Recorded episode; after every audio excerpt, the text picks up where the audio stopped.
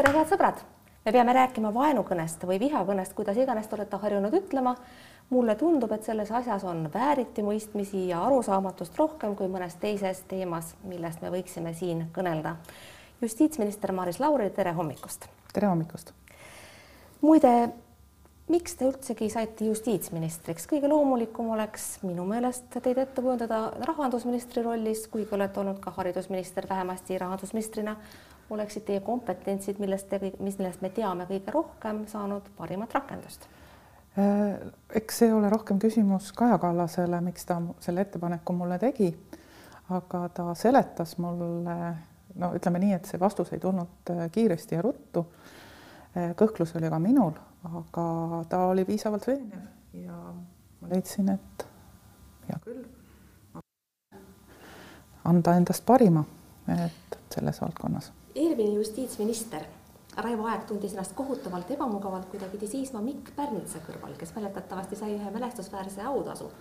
kas teie kannaksite Aegi asemel selle rooli paremini välja, kuidas tunneksite ennast, kui Mikk Pärnits jällegi mõne vahva autasu saab ja teie selle talle üle annate? no kui inimene saab autasu ja ma pean talle üle andma, siis ma annan selle talle üle, eks, et äh, meil on väga palju erinevaid inimesi, nii et äh, sellepärast, et üks eri inimene on teistsugune kui mina või need, keda mina tavapäraselt tunnen, ei tähenda seda, et ma peaksin siis sellesse erinevasse inimesse kuidagi väga eriliselt suhtuma. hästi. eelmise aasta lõpus, kui Reformierakond esitas vaenukõne või vihakõne eelnõu, siis äh, te olite veel opositsioonis. tänaseks, kui te nüüd olete otsustanud sellega edasi minna, olete jõudnud valitsusse, mis tähendab, et teie vastutus selle teema selgitamise suhtes mm -hmm. on oluliselt suurem ja mulle tundub, et äh, arusaamatust on sellest tõesti palju, see on arutelu Facebookis ja muu, mujal sotsiaalmeedias on jõudnud sinnamaani, et no kas ma ikka oma naabrimeest veel tõpraks võin sõimata, kui ta tõesti tõbras on. noh, alustamegi võib-olla sellest lihtsast äh, küsimuse püstitusest, kuidas siis naabrimmehega jääb, kui ta ikka on tõbras, kas ma võin talle öelda või lähen kohe trellide taha? muidugi võib öelda, keegi ei keela, et selliseid omavahelisi, vahelisi sõnelusi ei hakka keegi tsenseerima, et et äh, öelge, mida tahate, mida arvate, mida tunnete, nii kaua, kuni see jutt ei lähe agressiivseks. selles mõttes, et äh, te tahate ähvardusi jagada ja reaalseid ähvardusi inimesele, on kõik lubatud. ähvarduste jagamine näiteks, et ma löön su maha ja kui ähvardatav tunneb ennast ohustatuna, on ka praegu karistatav. nii et see piir jääb endiselt paika. kui on reaalne oht tajutav oht inimese poolt, siis on võimalik karistus. kui nii kaua, eh, niisama omavahel räägitakse, sõimeldakse, ollakse ebaviisakas, siis noh, eh, matsiks olemist ei saa ju keegi keelata. kui ma ütlen naabrimehele, et, ta on tõbras ja ma kavatsen ta maha lüüa ja naabrimees tunneb, et ta on ohus, siis mis siis ta, siis võib naabrimees pöörduda politseisse ja öelda, et te ähvardasite tema elu. politsei võtab teiega ühendust ja ilmselt kaalub siis, kas see ütlus oli öeldud lihtsalt emotsionaalselt jätkuks või oli sellel reaalselt midagi taga. no siis ma ütlen loomulikult politseile, et teate, ma olen lihtsalt väga vihane ja ongi kõik. noh, ilmselt tavaliselt äh, see ju nii ongi, et sellised äh, sõnad lendavad mõtlematult äh, suust. aga teate, näiteks mina olen saanud ähvardusi grupivägistamise suhtes ja kui politsei nende inimestega, kes selliseid ähvardusi tegid, võtsid ühendust, siis vastasid nad täpselt samamoodi et äh, ilmselt neil ei olnud selliselt tõsist kavatsust ja kust minagi tean, mida nad päriselt mõtlesid, kust teab politsei. et mhm. selles mõttes, kui nüüd vaenukõne või vihakõne seadus tuleb, siis selles mõttes midagi ei muutu. et äh, reaalset, reaalset katet, äh, kui sõnadel ei ole või kui politsei -hmm. leiab, et see nii ei ole, siis karistust endiselt ei järgne, kas ma saan õigesti aru? Äh, küsimus ongi selles, et me peame, ma arvan, ühiskonnas arutama, sest sellist sõnade pahatahtlikku kasutamist on äh, viimastel aastatel olnud järjest rohkem. meil ei ole jõutud nii hullude äh, sõnavõttudeni ja tegudeni, nagu on mujal maailmas, aga noh, kunagi ei tea. et äh, me peame just nimelt sellel teemal arutama, et kus kohas on see piir, kuhu inimese nii-öelda sõnadega rünnatavus on lubatav. iseenesest oleks parem, kui sõnadega ei rünnataks inimesi. aga noh, ütleme nii, et noh, täpselt seesama lugu, et mõni on lihtsalt mats, mõnel keeb ühel hetkel emotsioonid üle, pärast kahetseb. aga reaalselt, kui inimene tuleb tahtlikult ähvardama, reaalselt inimest hirmutama, siis tegelikult ta läheb vastuollu meie põhiseadusega. meie põhiseaduses öeldakse, et inimesel on terve hulk õigusi, vabadusi ja väga paljud inimesed armastavad neid tsiteerida. aga tavaliselt unustatakse ära, et nende õiguste ja vabaduste juures, eh, nii nagu nad eh, meil on ka põhiseaduses esitatud, on eh, tihtipeale peale esimest lauset ka teine lause. ma võtsin põhiseaduse kaasa, üheksateistkümnenda paragrahvi teine punkt või lõige igaüks peab oma õiguste ja vabaduste kasutamisel ning kohustuste täitmisel austama, arvestama teiste inimeste õigusi ja vabadusi ning järgima seadust. ehk meil on vabadused, aga ka teistel inimestel on vabadused ja õigused. ka teistel inimestel on õigus tervisele äh, ja elule, nii et me ei tohi oma vabadusi rakendades rünnata teise inimese vabadusi see kõik on arusaadav, aga see kõik on juba kirjas. miks on vaja siis uut seadust? Äh, see on, vot see on väga huvitav, ma olen nüüd sellesse süvenenud, et kuidas seda temaatikat on meie seadustes käsitletud. üheksakümnendatel oli karistusseadustikus suhteliselt äh, samasugune sõnastus, nagu on põhiseaduses. aga selle sajandi alguses hakati seda sõnastust muutma ilmselgelt, noh, ma ei tea täpselt, mida inimesed mõtlesid tol hetkel Äh, sooviga äh, seda asja täpsustada, selgemaks teha. aga kuskilt mingid asjad läksid, mulle tundub, jalutama. Ja võib-olla ongi see praegu see hetk, et me peaksime vaatama otsa, kas meie reaalne nii-öelda tavaliste seaduste raamistik vastab põhiseaduse mõttele ja sõnadele. et mulle tundub, et seal on tekkinud sellised väikesed augud, kus seda vastavust ei ole karistusseadustikus on täitsa olemas vaenu, vaenu õhutamist keelav paragrahv, see, sellest ei piisa? Äh, tähendab, seal ongi see, et algselt oli ta äh, nagu ma ütlesin, suhteliselt samasugune sõnastus, nagu oli põhiseaduses. aga nüüd ta on justkui kitsamaks, mõnes mõttes kitsamaks läinud, mõnes mõttes natuke laiemaks. Äh, kaitstavate gruppide ringi on suurendatud, aga samas on piiritletud siis seda just sellega, et sellel kõnel peab olema reaalne tagajärg.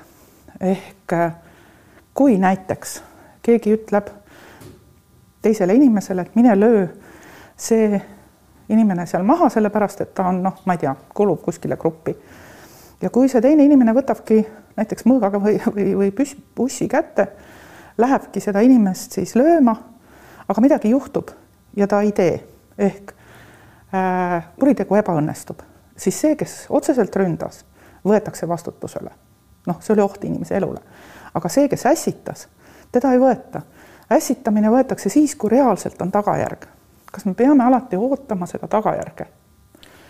ehk siis te tahaksite selle viha või vaenukõne seadusega saavutada olukorda, kus keegi, kes kedagi on halbadele tegudele ässitanud, saaks samamoodi reaalse karistuse kriminaalkorras. see oleneb, see oleneb sellest, millises kontekstis ja mida tehakse. kindlasti on oluline, kui me räägime sellest, et see sõnavõtt toimub avalikult, noh, see on kõige ohtlikum on see kõnekoosolekul, on sotsiaalmeedias või raadios kuskil keegi noh, ässitab nii-öelda oma kõnedega inimesi üles, see on avalikult. nii et kui ta inimestega räägib noh, väiksemas grupis äh, sõpradega, äh, siis noh, avaldab arvamust, et noh, mulle need inimesed ei meeldi. no äh, selles üldjuhul ei nähta nii suurt ohtu ja võib-olla me ühiskonnana peame arutama, kas seda peab kriminaliseerima või mitte. no praegune lähenemine oleks see, et nii kaua, kuni ei tekitada sellist avalikku survet, avalikku rünnakut, nii kaua ei peaks seda noh, nii-öelda kriminaalseks tegema, aga see võimalus. no kuulge, aga siin on selgelt poliitiline mõõde sees, EKRE juba ütleb, et te tegelete siin poliitilise suukorvistamisega ja tahaksite kehtestada ideoloogilist diktatuuri. tema valijad usuvad seda, ehk siis tegelikult äh, eelmise valitsuse paljudki sõnavõtud kvalifitseeruksid ju eelmise valitsuse ühe, ühe erakonna Äh, konkreetse erakonna sõnavõtud kvalifitseeruksid ju automaatselt siis vihakõneks, kui ma teie kirjelduse järgi nüüd käin äh,? Väga võimalik, et mõned äh, sõnavõtud võiksid tõesti kvalifitseeruda vaenukõneks kas te saaksite tuua palun mõned näited? noh, minu jaoks oli see küsimus, kui kuulutati, et näiteks naised, kes on üle kahekümne kaheksa aastased ja vallalised, on rahvavaenlased. sest väga paljude inimeste jaoks assotsieerub sõna rahvavaenlane millegi väga õudsega, eks ju. ja see võis initsialiseerida mõne inimese rünnakuid vallaliste naiste vastu, kellel ei olnud lapsi, eks ju, noh, ütleme selline asi no aga näiteks see geide, geide vaenamise läbiv hoiak. ja see on, see on, see on ka nagu selline küsimus, kus kohas äh, võib äh, näha sellist ähvardust. aga eks neid kohti on, on, on olemas sellised kohad, kus on väga selgelt arusaadav, et on ähvardus, on reaalne ja on selliseid olukordi, kus on aru saada, et see ei ole. kuskil seal vahepeal on piirid ja nende piiride üle me peaksime arutama. Ja ma arvan, et me peaksime ühiskonnana arutama Äh, et me saaksime aru, mis on lubatav, mis ei ole, et seda ambivalentsust kaotada. ja ma tõesti loodan, et kui me seda eelnõud hakkame ette valmistama, äh, kaasata erinevaid inimesi, sealhulgas ka ajakirjanikke, sellepärast et ma arvan, et ajakirjanikud näevad seda ja noh, üldjuhul ju on nii, et ajakirjanikud tajuvad seda piiri, millest üle minna ei tohi. teate, ajakirjanike hulgas on äh, väga suur hulk inimesi, kes ei mõista, miks seda üldse vaja on ja aga oma professionaalses töös te ju teate, kust piirist tohib üle astuda ja kust ei tohi. ajakirjanikud ei ole heterogeenne hulk inimesi, nende hulgas on palju neid, kes ei mõista ja muide, vähe sellest, et te ei pea mitte ju seda selgitustööd tegema sugugi mitte ainult ajakirjanikele, vaid ka ühiskonna nendele ja, osadele, kes tegelikult neid mõista ei soovigi, sealhulgas Martin Helme valijatele ja ka näiteks Urmas Reinsalu valijatele, kes on lubanud endise välisministrina võidelda selle eelnõu vastu kõigi vahenditega, mida ta oskab. mida te ütlete neile, kes näevad selles soovis seaduseelnõuga välja tulla ja hakata vaenu või vihakõne kriminaliseerima ikkagi ainult poliitiliste vastaste vaigistamise vajadust? Äh, no ma ei tea, kuidasmoodi, eks see on keeruline, äh, kuidas inimestele selgeks teha, et nad eksivad, kui inimene ei taha kuulata, siis tulebki sada korda rääkida Äh, kaasata teisi inimesi, näidata, et ei ole, kuulata, aru saada nende hirmude põhjusest. Äh, mina küll julgen öelda, et äh, mina ei hakka sõnavabadust piirama. mina tean täpselt, mida tähendab vaenukõne. Nõukogude ajal, eks ma olen ise saanud, olnud selle ohver lihtsalt sellepärast, et ma rääkisin eesti keelt, selle eest peksa saada aga. Te olete nõukogude ajal saanud peksa vaenukõne, vaenukõne ja, eest. jah, tegelikult ütleme. kas te oleksite nõus seda meenutama? Äh, noh, väga lihtne, ma olen pärit Kohtla-Järvel ja sealne üldine keskkond oli loodud sellisena, et noh, eestlased on fašistid. fašistid teatavasti on äh, suuremale osale äh, vene inimestele, Nõukogude inimestele noh, midagi jubedat, midagi õudsat. Ja ilmselt see kandus edasi ka nii-öelda peredest lastele ja piisas sellest tihtipeale, kui sa läksid mööda tänavat, näiteks kahekesi, rääkisid eesti keelt ja sulle tuli vastu rohkem venekeelsed inimesed, sa võisid saada noh, nügida, halvemal juhul äh, hakati ka peksma nii et teid, teid on sisuliselt pekstud selle eest, et no,. mind õnneks päris läbi pekstud ei ole, aga ma olen äh, nügitud sellepärast, et äh, ma olen rääkinud eesti keelt arusaadav. et ma saan aru sellest, mis tähendab tegelikult äh, sõnavabadus ja mis tähendab sõnavabaduse kaasav vastutus. nii et äh, noh, ma loodan, et ka sellest saavad teised inimesed aru. Andres Parmas, peaprokurör, on viidanud, et Eestis on vihakõne praegu kriminaliseeritud ja ka teie tegelikult alustasite oma selgitusi sellest viidetega karistusseadustikule ja põhiseadusele. peale selle, peale kõnelda on olemas veel ka põhiseaduse kaheteistkümnes paragrahv palju tsiteeritud keelt äh, diskrimineerida mm. -hmm. aga Parmas, Parmas viitab ka väga paljudele muudele põhjustele, miks tuleks olla ettevaatlik. ta väidab, et, ähm, et väga palju ressurssi, mida praegu saab kasutada raskete kuritegude uurimiseks, hakkaks siis minema millegi peale, äh, mis on iseendale jalga tulistamine, ta ikkagi loob siin ka selle seose sõnavabadusega, mida teie väitsite mitte olemasolevat kuidas te argumenteerite vastu Parmasele, kelle sõna peaprokurörina kahtlemata on autoriteetne? ja see risk on tõesti olemas, aga ma arvan, et see risk on praegu tegelikult suurem. Äh, sellepärast, et see piir ei ole selgelt määratletud, kus kohas nii-öelda nii-öelda olmetasandiline tüli, kus kasutatakse halbu sõnu, läheb üle ähvardamiseks nii-öelda isiku tasandil ja kus ta läheb vaenukõnena, mis on suunatud teatud elanike gruppide vastu. kuigi me kuulume mingisse gruppi?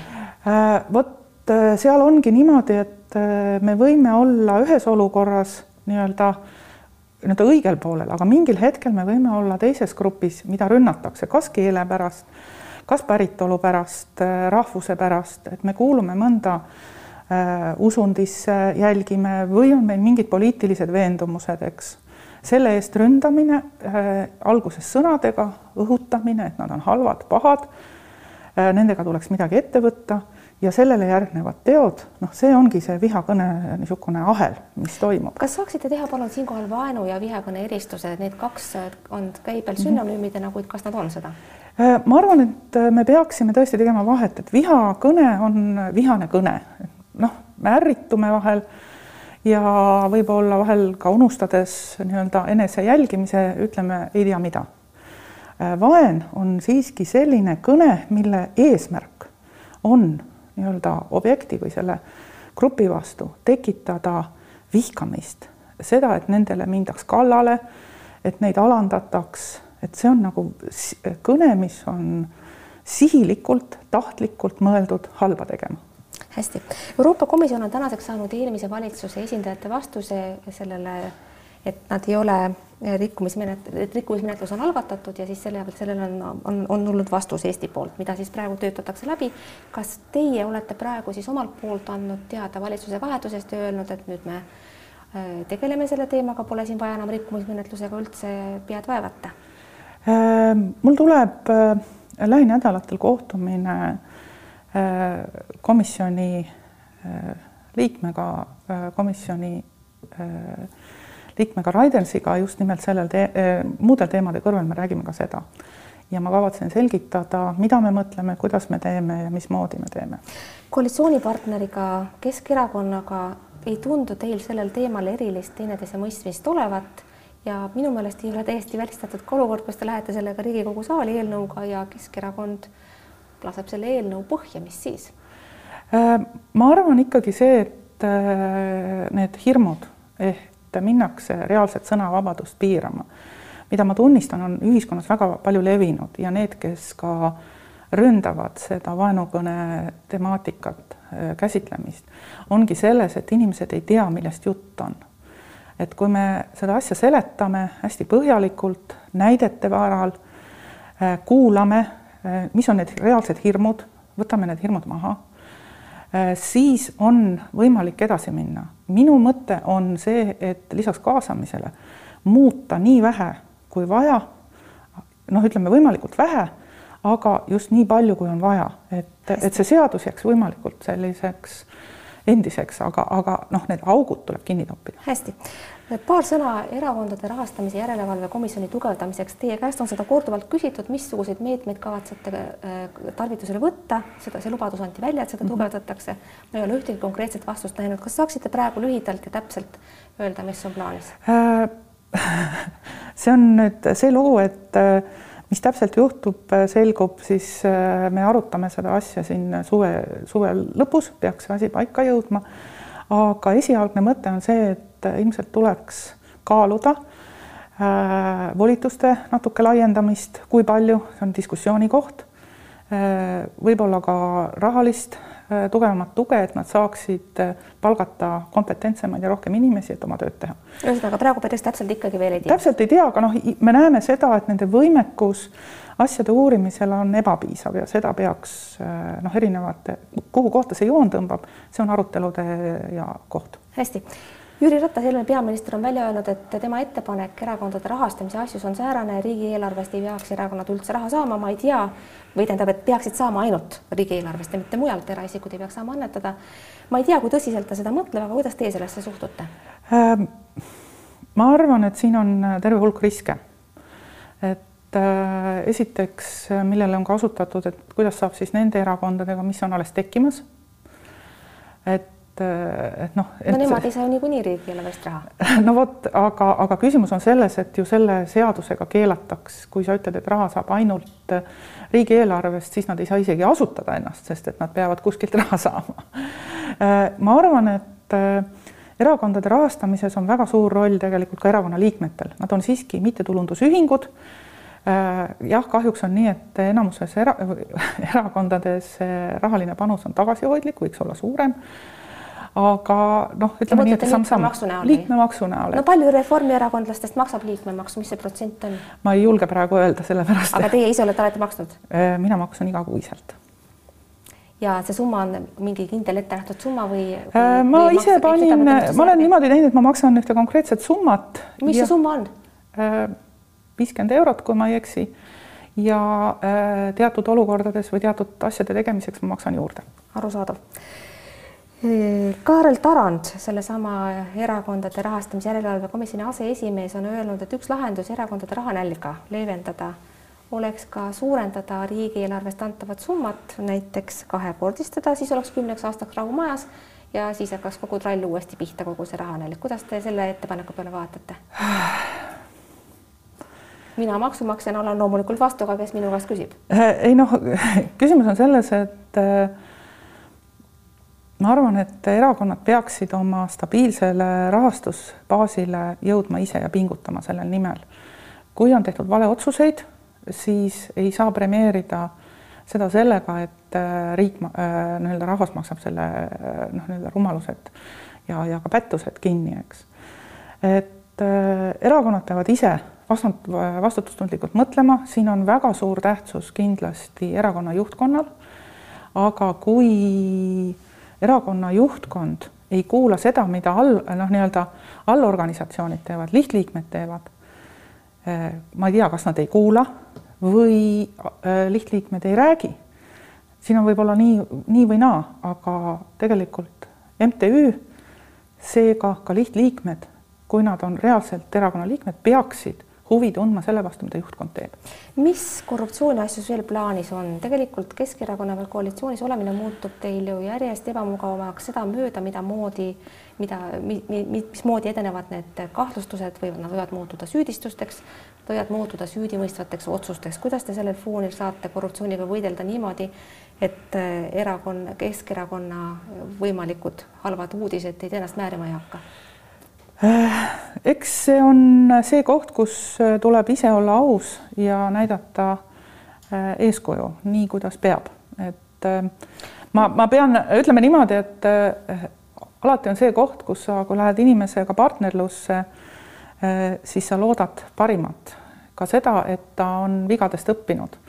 mõne õppimisprotsess on pikem ja vaevalisem, mõnel kiirem ma tõesti loodan, et Keskerakond on nüüd lõpuks ometigi õppinud. ja eks siin on väga palju ka vastutust tegelikult just nimelt juhtkonnal.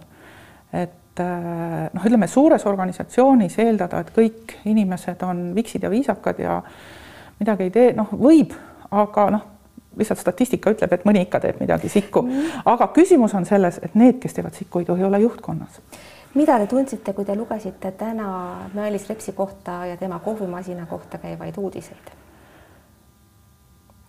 eh,? ohkama pani. hästi. Eh, miks oli teil tarvis minna Riigikogu erikomisjonide koosseisude kallale, see on tegelikult ikkagi soov kehtestada koalitsiooni ülekaalu, iga koergi saab sellest aru eh,? ma pean tunnistama, et eh, see on nüüd Riigikogu poolne algatus, mida, milles minul ei ole puutumust minu jaoks oli see muudatus. Mart Võrklaev, Reformierakonna esitaja on selle ja, ja ma tean kui ta esitas selle, siis äh, mind, noh, ütleme nii, et mind pani see mõtlema ja äh, ma ei leia, et see oleks väga hea idee ma olen tõesti seda meelt, et parlamendis peaks jälgima teatud tavasid. ühesõnaga, te olete selle vastu, kui lühidalt kokku võtta see on nüüd see koht, kus ma astun äh, nii-öelda valitsusliikme positsioonile ja ütlen, et valitsus ei tohi sekkuda Riigikogu oma otsustusõigustesse. hästi, meie saateaeg on Maris Lauri kahjuks läbi, oleksin hea meelega küsinud mõned muudki küsimused, kuid loodetavasti kohtume teinekord. aitäh, et tulite saatesse, head sõbrad, aitäh, et vaatasite. Kuulmiseni, nägemiseni